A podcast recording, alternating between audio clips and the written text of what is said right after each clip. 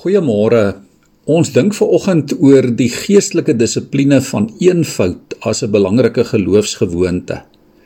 En ek vermoed dat dit vir ons moderne mense waarskynlik moeilik is om 'n lewe van eenvoud aan te leer. Ons leef elke dag in 'n verbruikersgerigte samelewing waar die fokus dikwels val op moderne tegnologie en allerlei luuksehede en op besittings in persoonlike gerief. In Matteus 6 praat Jesus oor die bymekaar maak van skatte en die bekommernis oor die bymekaar maak van kos en klere. En hy wys daarop dat ons ons hart nie moet verloor op tydelike behoeftes en besittings nie. Ons moet eerder fokus op die skat wat ons in die hemel het. Eenvoud beteken daarom ook dat jy jou rykdom in God ontdek en in sy koninkryk en in sy geregtigheid en om hom te vertrou vir alles wat jy nodig het om van te lewe. In Filippense 4 vers 11 tot 13 sê Paulus: Ek het geleer om in alle omstandighede tevrede te wees. Ek weet wat armoede is en ek weet wat oorvloed is. Van alles het ek ondervinding om genoeg te hê om te eet, sowel as om honger te ly, om oorvloed te hê, sowel as om gebrek te ly.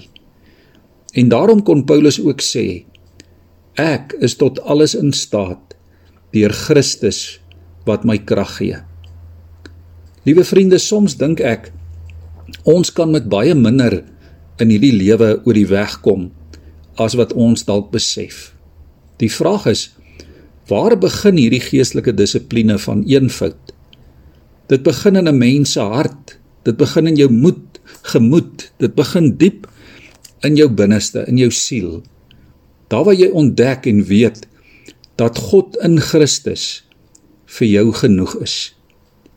Ons het nie status en posisie en geld en rykdom en besittings en 'n gejaagde lewe nodig nie. God is die bron van ons sekuriteit. Iemand het eendag 'n baie waarding gesê toe hy gesê het: "Ons koop dikwels dinge wat ons nie wil hê nie om mense te beïndruk waarvan ons nie hou nie.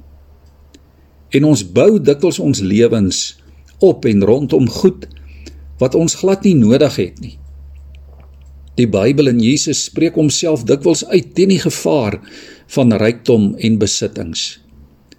Eenvoud aan die ander kant help ons om ons lewens so in te rig dat ons ons besittings kan geniet sonder dat dit ons vernietig. Die geloofsgewoonte van eenvoud help ons om dit wat ons het ook nie net vir onsself te hou nie, maar om dit met ander rondom ons te deel. Juis omdat jou hart oop is om God se seën en God se sorg te ontvang, is dit ook oop om ander rondom jou te seën. Die geloofsgewoonte van eenvoud wil ons laat fokus op die koninkryk van God en sy geregtigheid sodat ons die Here alleen leer vertrou. Dit maak ons los van angs en bekommernis en onsekerheid omdat ons weet ons daaglikse brood is 'n gawe uit God se hand. Eenvoud is die vryheid om God vir alles te vertrou. Kom ons dink aan 'n paar praktiese gedagtes. As jy jou beursie oopmaak, probeer om dinge te koop wat regtig nuttig is en nie oor hulle status nie. Probeer om jou los te maak van dinge wat jou verslaaf. Wat sodoende dalk jou tyd en geld en energie opeis. Geef weg al die goederes wat jy nie nodig het of wat jy nie gebruik nie.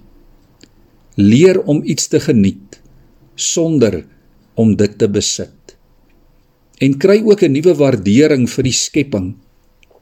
Onthou dat die aarde en alles daarop aan God behoort. Wees verstandig, probeer om nie skuld te maak wat jy nie kan betaal nie. Wees nederig in jou gedrag en in jou woorde. Soos die Bybel sê, laat jou ja ja wees en jou nee nee. Leef met integriteit en met eerlikheid. Moenie mense onderdruk en manipuleer en domineer nie. Onthou elke oomblik, die lewe is 'n seëning uit God se hand en wees 'n seën vir ander rondom jou. Ek lees uit Filippense 1 vers 9 tot 11. Ook bid ek dat julle liefde al hoe meer sal toeneem in begrip en fyn aanvoeling sodat julle die dinge kan onderskei waarop dit werklik aankom. Dan sal julle op die dag wanneer Christus kom onberispelik en sonder blaam wees. En deur Jesus Christus sal julle geheel en al in die regte verhouding met God wees tot sy lof en eer. Kom ons buig ons hoofde en dan bid ons saam. Onse Vader wat in die hemel is. Laat U naam geheilig word. Laat U koninkryk kom. Laat U wil geskied soos in die hemel, so ook op die aarde. Here gee ons vandag ons daaglikse brood en vergewe ons ons skulde soos ons ook ons skuldenaars vergewe. Laat ons nie in versoeking kom nie, maar verlos ons van die bose want aan U behoort die koninkryk en die krag en die heerlikheid tot in ewigheid. Amen.